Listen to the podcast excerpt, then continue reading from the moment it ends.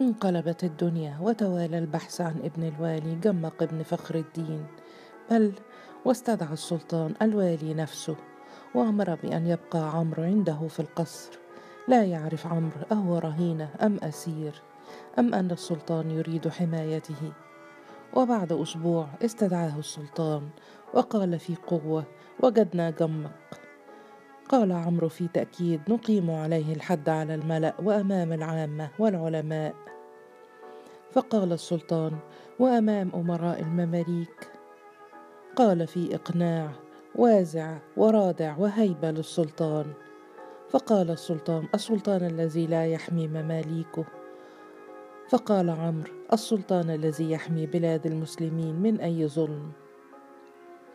قال السلطان كلماتك حاضرة دوما ولو قتلتك أنت الآن أليس من الأفضل والأسهل؟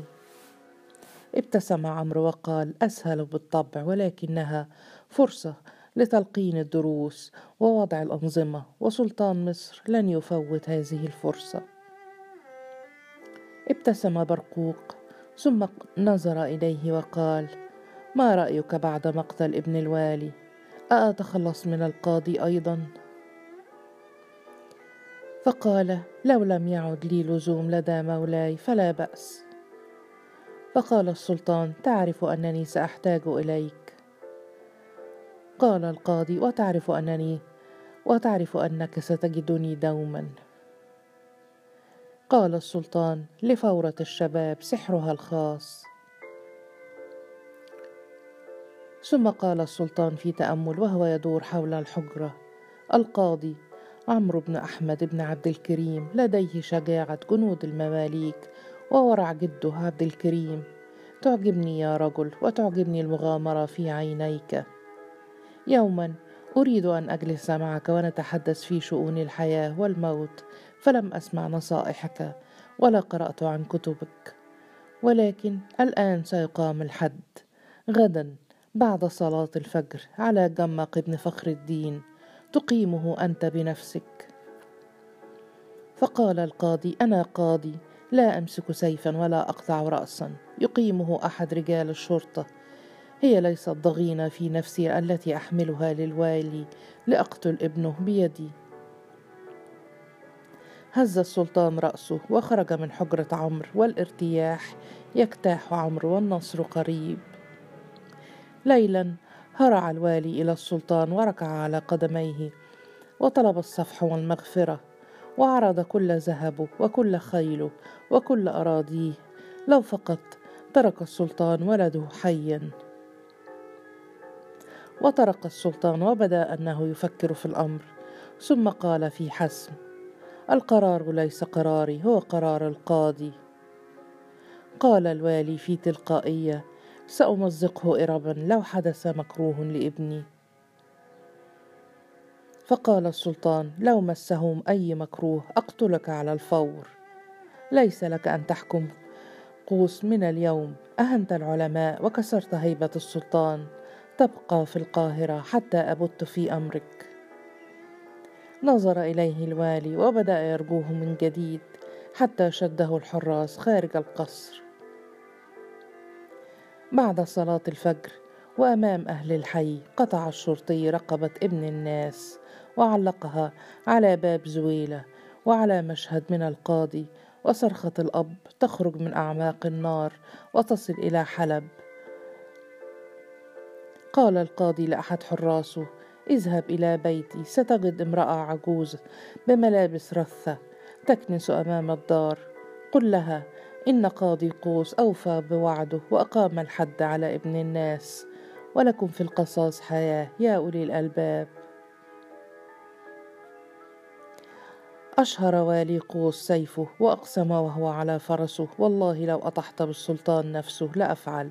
ولكنني سأمزقك إربا يا عرة القضاة سأرى دمك يسيل أماني.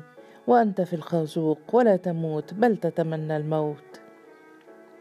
ثم جرى بفرسه بعيدا من الناس. فهناك من قال إنه سافر للشام دون إذن من السلطان وصارخاته لم تزل تهز أركان مصر والنساء يتهامسن والرجال يرتجفون وهذا المشهد لا يتكرر كثيرا على أرض هذه البلاد فلا بد من الحذر ربما كان سرابا أو أضغاث أحلام.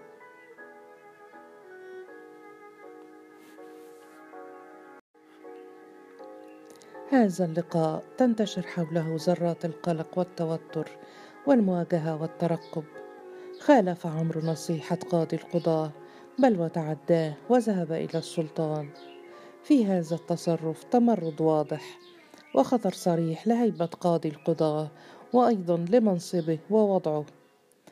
ما فعله عمرو أسوأ كثيرا من جريمة جمق ابن الوالي فقد تجرأ على معلميه وتحدى الشيوخ جميعا بفعلته المشينة.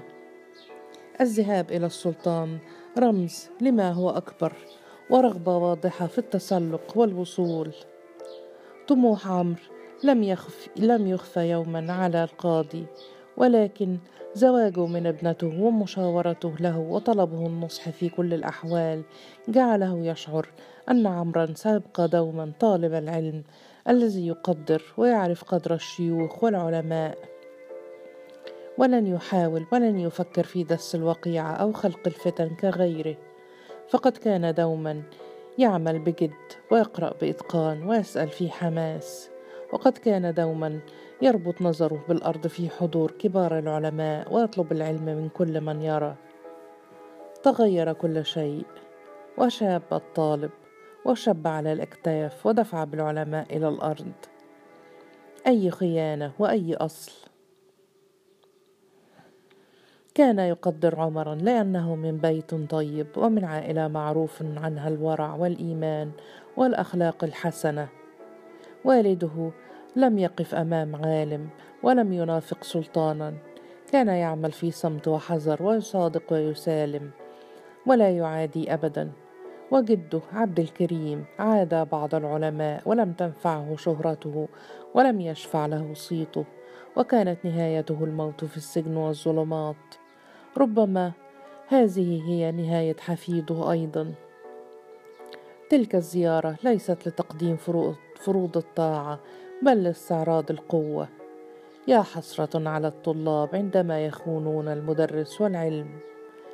وكم ادعى أنه ابن قاضي القضاه فوالده مات وهو صغير وقاضي القضاه رباه وعلمه ما لم يتعلمه من قبل. هو ابنه باختياره وإرادته. أطبق قاضي القضاة شفتيه والغيظ يأكل قلبه بل يتمنى مصيرا مظلما لزوج ابنته ويتمنى أن يزج به في غيابات السجن دهرا. قال عمرو وهو يحاول بث السلام حولهما افتقدت كلماتك يا شيخنا ونصائحك. قال القاضي في جفاء هذه كلمات سخرية أم استهزاء؟ قال في دهشة ما الذي فعلته ليغضب أبي ومعلمي؟ هز قاضي القضاة رأسه وهو يقول تريد أن تصبح أنت قاضي القضاة أليس كذلك؟ تتملق السلطان وتبسط أجنحتك ثم تخفضها أعرف. قال في فزع أعوذ بالله أنت خير قاض وأعظم عالم وليس لي أن أصل إلى نصف ما نصفك مهما فعلت. ابتسم قاضي القضاة في استهزاء ثم قال لا تأبه بالعدل ولا مصير الطفل. هي حاجة في نفسك وغرور داخل القلب لا شفاء منه. قال بل أقسم لك هو وعد أعطيته لامرأة ليس لها سوى الله. فقال قاضي القضاة وأنت منفذ إرادة الله على الأرض. فقال عمرو العدل غايته دوما ونحن نجتهد لتحقيقه والنفس أمارة بالسوء. فقال قاضي القضاة هي نفسك التي أمرتك بالسوء. طموحك الذي سيقتلك ويحطم مستقبلك. لو انتظرت بعض الوقت حتى يحين الأجل ربما كنت تصل إلى ما تريد. فقال عمرو نفسي فداء لك يا شيخي ومعلمي. ثم صمت وقال وعيناه تبحثان عن ولديه كيف حال أحمد وحسين؟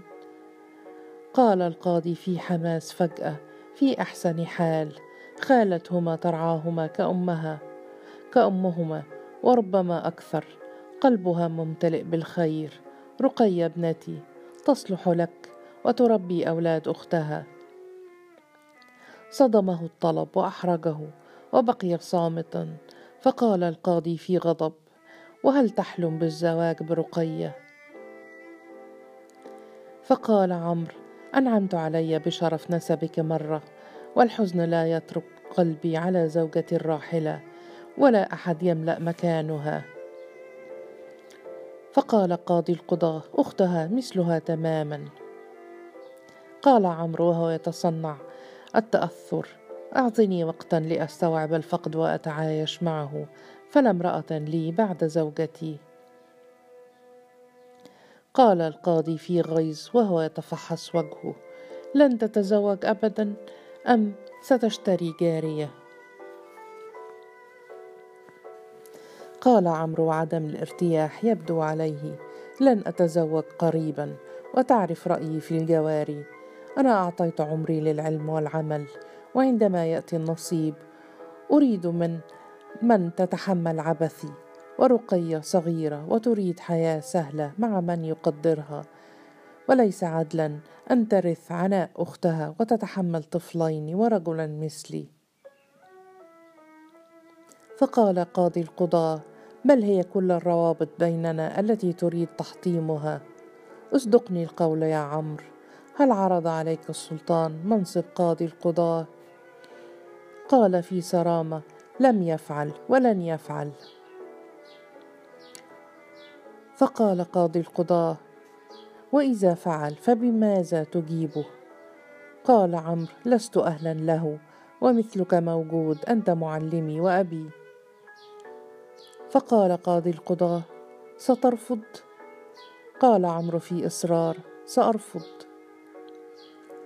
فقال ستعدني بأنك سترفض كما وعدت الأم المكلومة بالثأر لابنها. بقي ساكنا لحظات ثم قال أعدك أنني لن أقبل لن أقبل بهذا المنصب ما دمت أنت فيه. هز القاضي رأسه ثم قال اذهب لترى ولديك. اتجه إلى ولديه في شوق وهو يملأ عينيه من وجهيهما ويربط على كتفيهما. ويتكلم معهما بلا توقف وشوقه وخوفه عليهما يبدوان من حركاته وكلماته.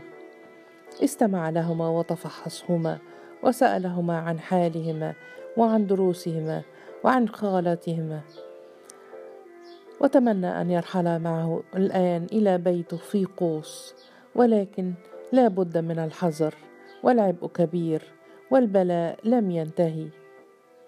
ودعهما ودموعهما تلمع في عينيهما وعانقهما في قوة لأول مرة ربما. وقال في يقين شهران على الأكثر ثم نجتمع من جديد ولا فرقة بعد هذا ابدا. وعندما مر على حماه وقاضي القضاة ليودعه قال القاضي في توعد للشباب اندفاعه ومجازفته راهنت على الفرس الخاسر يا عمرو.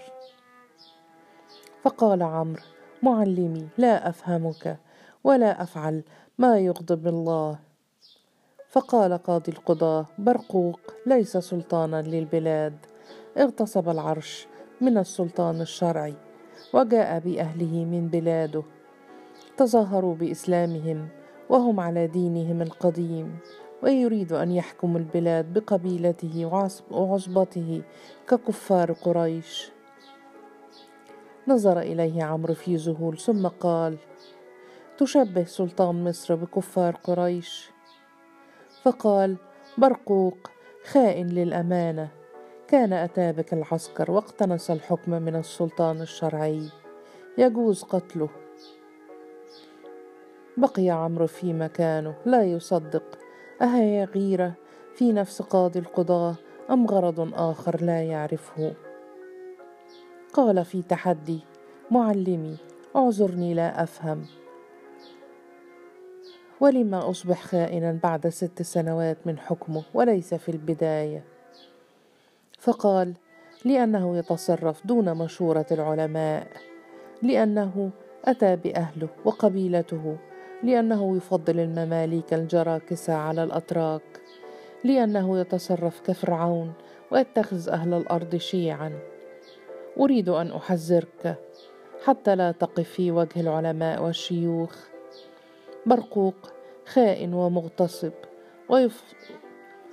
ويفضل بين البشر على أساس العرق ويحرك العلماء من مناصبهم على هواه. دون وازع ديني ولا احترام لكونهم حماة الدين. قال عمرو في تأكيد لم أر منه سوى كل خير. اعذرني يا معلمي والسلام عليكم.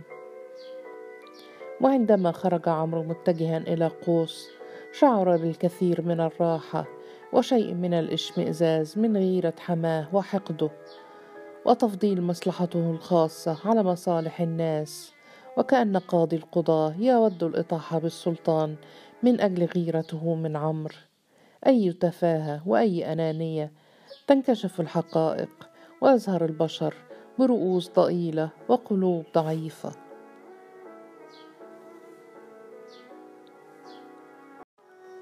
ما حدث ضرب من الجنون وحادثة تقلب موازين التاريخ وتؤذن بالخراب. فلا أهل قوس اعتادوا العدالة الناجزة ولا الصرامة ولا هذا العبث.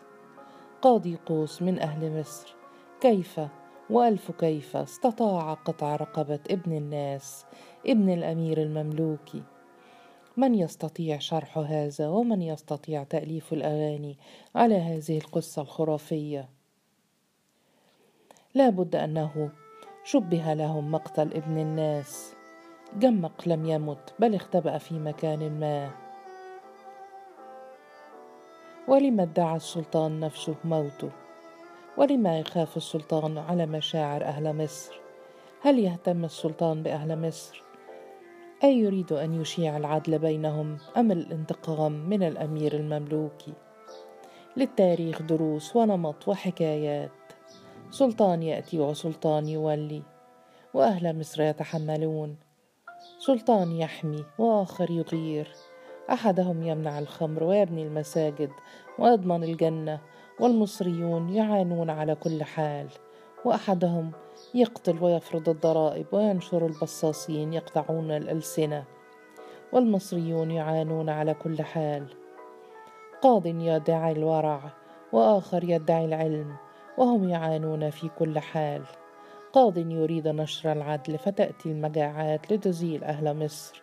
وسلطان يقلل الضرائب فيأتي الوباء ليقضي على من تاجر وأصلح. لا أمل في شفاء إن كان يتبعه مرض ولا عدل إن كان يتبعه ظلم ولا ورع إن كان يتبعه فسوق. ثم يأتي قاضي قوس عمرو بن أحمد بن عبد الكريم ويغربل المصريين ويصفعهم صفعات متعددة. ماذا فعل؟ وأي حمق ارتكب؟ وما العواقب ومن سيدفعها؟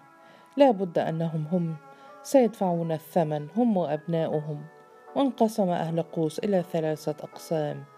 قسم رأى في فعلة القاضي جرأة الجنون. وأن القاضي لا يعرف ما سيفعل ما سيفعل بقوس كلها. وأنه حدث في الماضي مرة أو مرتين أن ارتكب أهل أحد أهالي بلدة ما حمقا ما فقرر أولو الأمر حرق البلدة كلها وتسويتها بالأرض وأن هذا مصير أهل قوس لا محالة. وليت القاضي لم تطأ قدمه في قوس وليت القاضي لم يعرف قوس ولا أين تقع. وليت أم الولد ماتت مع ابنها ولم تطلب العون من القاضي. ورددوا فليذهب الطفل إلى الجحيم في سبيل بقاء كل أهل قوس. أي فناء ينتظرهم وأي ثمن.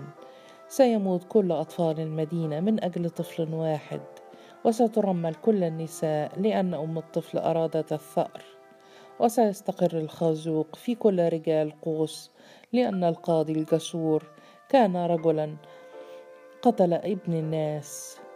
المصير مكتوب من الأزل. وآخرون بدأوا يقلقون على مصير تجارتهم وطريق الحجاج وعلى سمعة قوس التي مرغها القاضي في التراب بعد أن كانت خير بلاد الله. سيتهامس أهل المغرب بأن أولاد الناس في قوس يغتصبون الأطفال وأن والي قوس لم يستطع الدفاع عن ابنه بل إذا كان والي قوس بكل جبروته لم يستطع أن يمنع ابنه من الموت فما بال التجار من كل مكان؟ لو حدث وقام أحد أبنائهم بفعل ما فما مصيرهم؟ هذه جريمة وسمعة قوس ولت بعد هذا الفعل المشين للقاضي. العدل للأغنياء والحماية للغني من جشع الفقير. أما ما أن يظن قاضي قوس ولو لحظات أنه يقتنص العدل من القوي والغني للفقير فهذا سبب في القضاء عليه وتجنب قوس إلى يوم موته. وليكن عن قريب إن شاء الله. فأي تجارة تنفع؟ وأي مال تحيطه البركة إذا كان الغني يقام عليه الحد؟ وكأن الغني والفقير متساويان. والكل يعلم أن هذا لا يكون. أما النصف الآخر وهم كثر ولكن الصمت يطغى عليهم فيظن الأمراء أنهم قليلون وأنهم رقم زوجي لا يتعدى الثمانية فقد رأوا في قاضي قوس رجل العدل وحكمه بارقة أمل في الظلمات. وما دام الخير ينتصر أحيانا فالحياة تستحق العيش. وما دام العمر يعتدل برهة فالتحمل ممكن. والصراخ في وجه الظلم واجب والشجاعة للأبطال والمخلدين والجبن لكل الباقين أبدا. عند دخول عمرو قوس تجمع أهلها يحيطون فرسه والحراس حوله وعيونهم خائفة وغير مستقرة. هرولت إليه أم الطفل تناديه فتوقف ونظر إليها فهوت إلى قدم الفرس وبدأت في بكاء مسموع وعويل لم ير شيئا في قسوته فقال في صرامة اتق الله من قتل يقتل ولو بعد حين صلي الآن واشكري ربك. لم تجبه بل بقيت تبكي ساعة ربما وهو لا يستطيع التحرك بالفرس حتى لا يصدمها. وعندما انتهت قالت في صوت عالي يا أهل قوس هذا الرجل وفى بوعده لم يخف الحق من سيف ولا من أمير وأنا جاريته ما دمت أحيا. قال في قوة أعوذ بالله والله ما فعلته إلا لأنه عملي وواجبي هيا انهضي. نهضت وجرت وراء الفرس والحذر يسيطر على العيون والنساء خرجن من بيوتهن والرجال مطأطئ الرؤوس خجلا أو خوفا أو احتراما لا أحد يدري. بحثت عيناه عن عينيها كما يفعل دوما ولم يجدها. عاد في الصباح إلى عمله وكأن شيئا لم يكن وسمع ثناء طلابه ومساعديه ورهبة خصومه وخوفهم. وتجرع لحظات الانتصار والقوة المطلقة وحاول ألا يرتشف منها الكثير حتى لا يسمل ولم يرها ولم تمر عليه ولا وقفت أمام داره ولا ادعت أنها تريد السؤال ولا طلبت من صديقاتها استدراجه ورؤيته. تردد ثلاثة أيام في السؤال عن ضيفه ولم يعد يستطع. لم يسمع عنها ولم يطمئن على عينيها. والحنين بداخله يزداد كلما غابت وكلما تركته وسط شكوكه. هل حبسها والدها؟ منعها من الخروج. هل كانت تلهو وملت من لعبتها؟ ولو كان هذا ماذا سيفعل؟ أليس من الأفضل أن ينساها ويتزوج ابنة القاضي لترعى ولديه؟ لما التشبث بهذه الجنوبية بالذات؟ وماذا وجد فيها يجعلها غير كل النساء لم يحب يوما ولم يشتق وكان العلم والوصول هما الهدف الأول. وعندما بحث عن زوجة كان الورع والهدوء هو أول اهتماماته وليس العشق والحياة في عينيها. لم يتبع أهواءه قط ولن يبدأ في هذه السن وبعد هذا الوصول ولما يتبع أهواءه لو كان يستطيع أن يجعلها ملكه؟ ولما يشتاق ما دامت ستكون بين يديه في غضون أيام؟ لو جذبته بالسحر أو بجمالها المختلف لا يهم. جذبته وانتهى الأمر. ربما لو رآها اليوم فقط أو غدا.